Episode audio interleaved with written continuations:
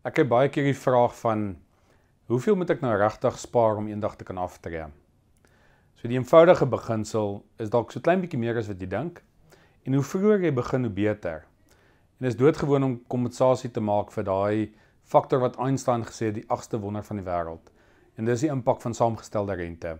So hoe langer jy spaar, hoe meer kan daai geld vir jou werk en nie teen jou werk nie. Nou van die goed wat belangrik is vir aftrede is om regtig by 'n nommer te kan uitkom.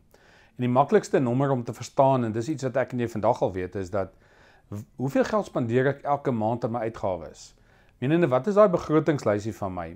En die kans is baie goed dat meeste van hierdie goed ek nog steeds in aftrede gaan hê.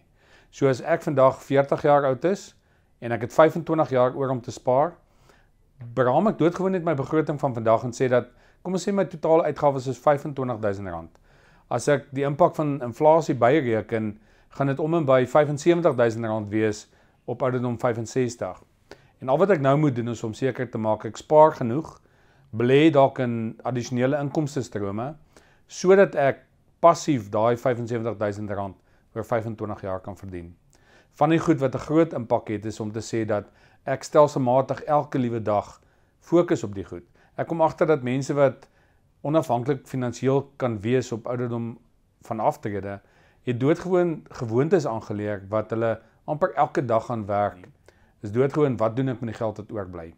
Bly daar geld oor. En hoe meer ek oor kan hê, hoe meer kan ek wegsit en belê. En dan kom 'n mens by vra maar is dit beter om in aandele te belê of moet ek in my geld in die bank sit? Oor 'n langtermyn gaan aandele histories altyd beter al wees. En dis doodgewoon omdat jy kapitaal groei kry en jy kan inkomste kry. Ongelukkig is bankrekeninge deesdae betaal jy baie minder as wat die inflasiekoers is. So jy boer eintlik so 'n bietjie agteruit. Wees bedag daarop. Dink een van die groot uitdagings wat ons het is om te sê maar hoe sny ek my uitgawes om voorsiening te maak vir die feit dat ek geld kan begin wegsit. En die uitdaging wat ek en jy daai het is om daai goeie gewoontes aan te leer. Ek praat baie keer met kinders en dan praat ek van die R5 beginsel.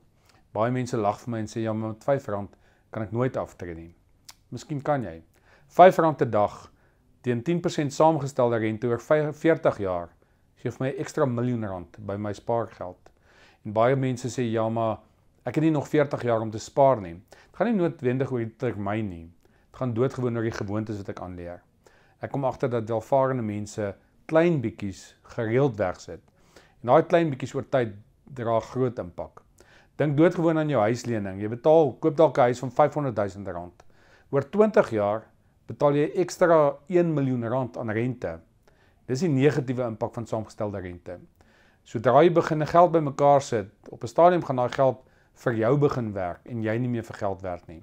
En dis die impak van 'n goeie spaarplan om presies te weet waar jy op pad is. Dis soos 'n goeie GPS. Doodgewoon moet jy weet waarheen wil ek gaan? Waar is ek vandag? En die GPS vul die gawings vir jou in. En dis ook wat 'n plan vir jou gaan doen. Baie sterkte met daai aftrede plan.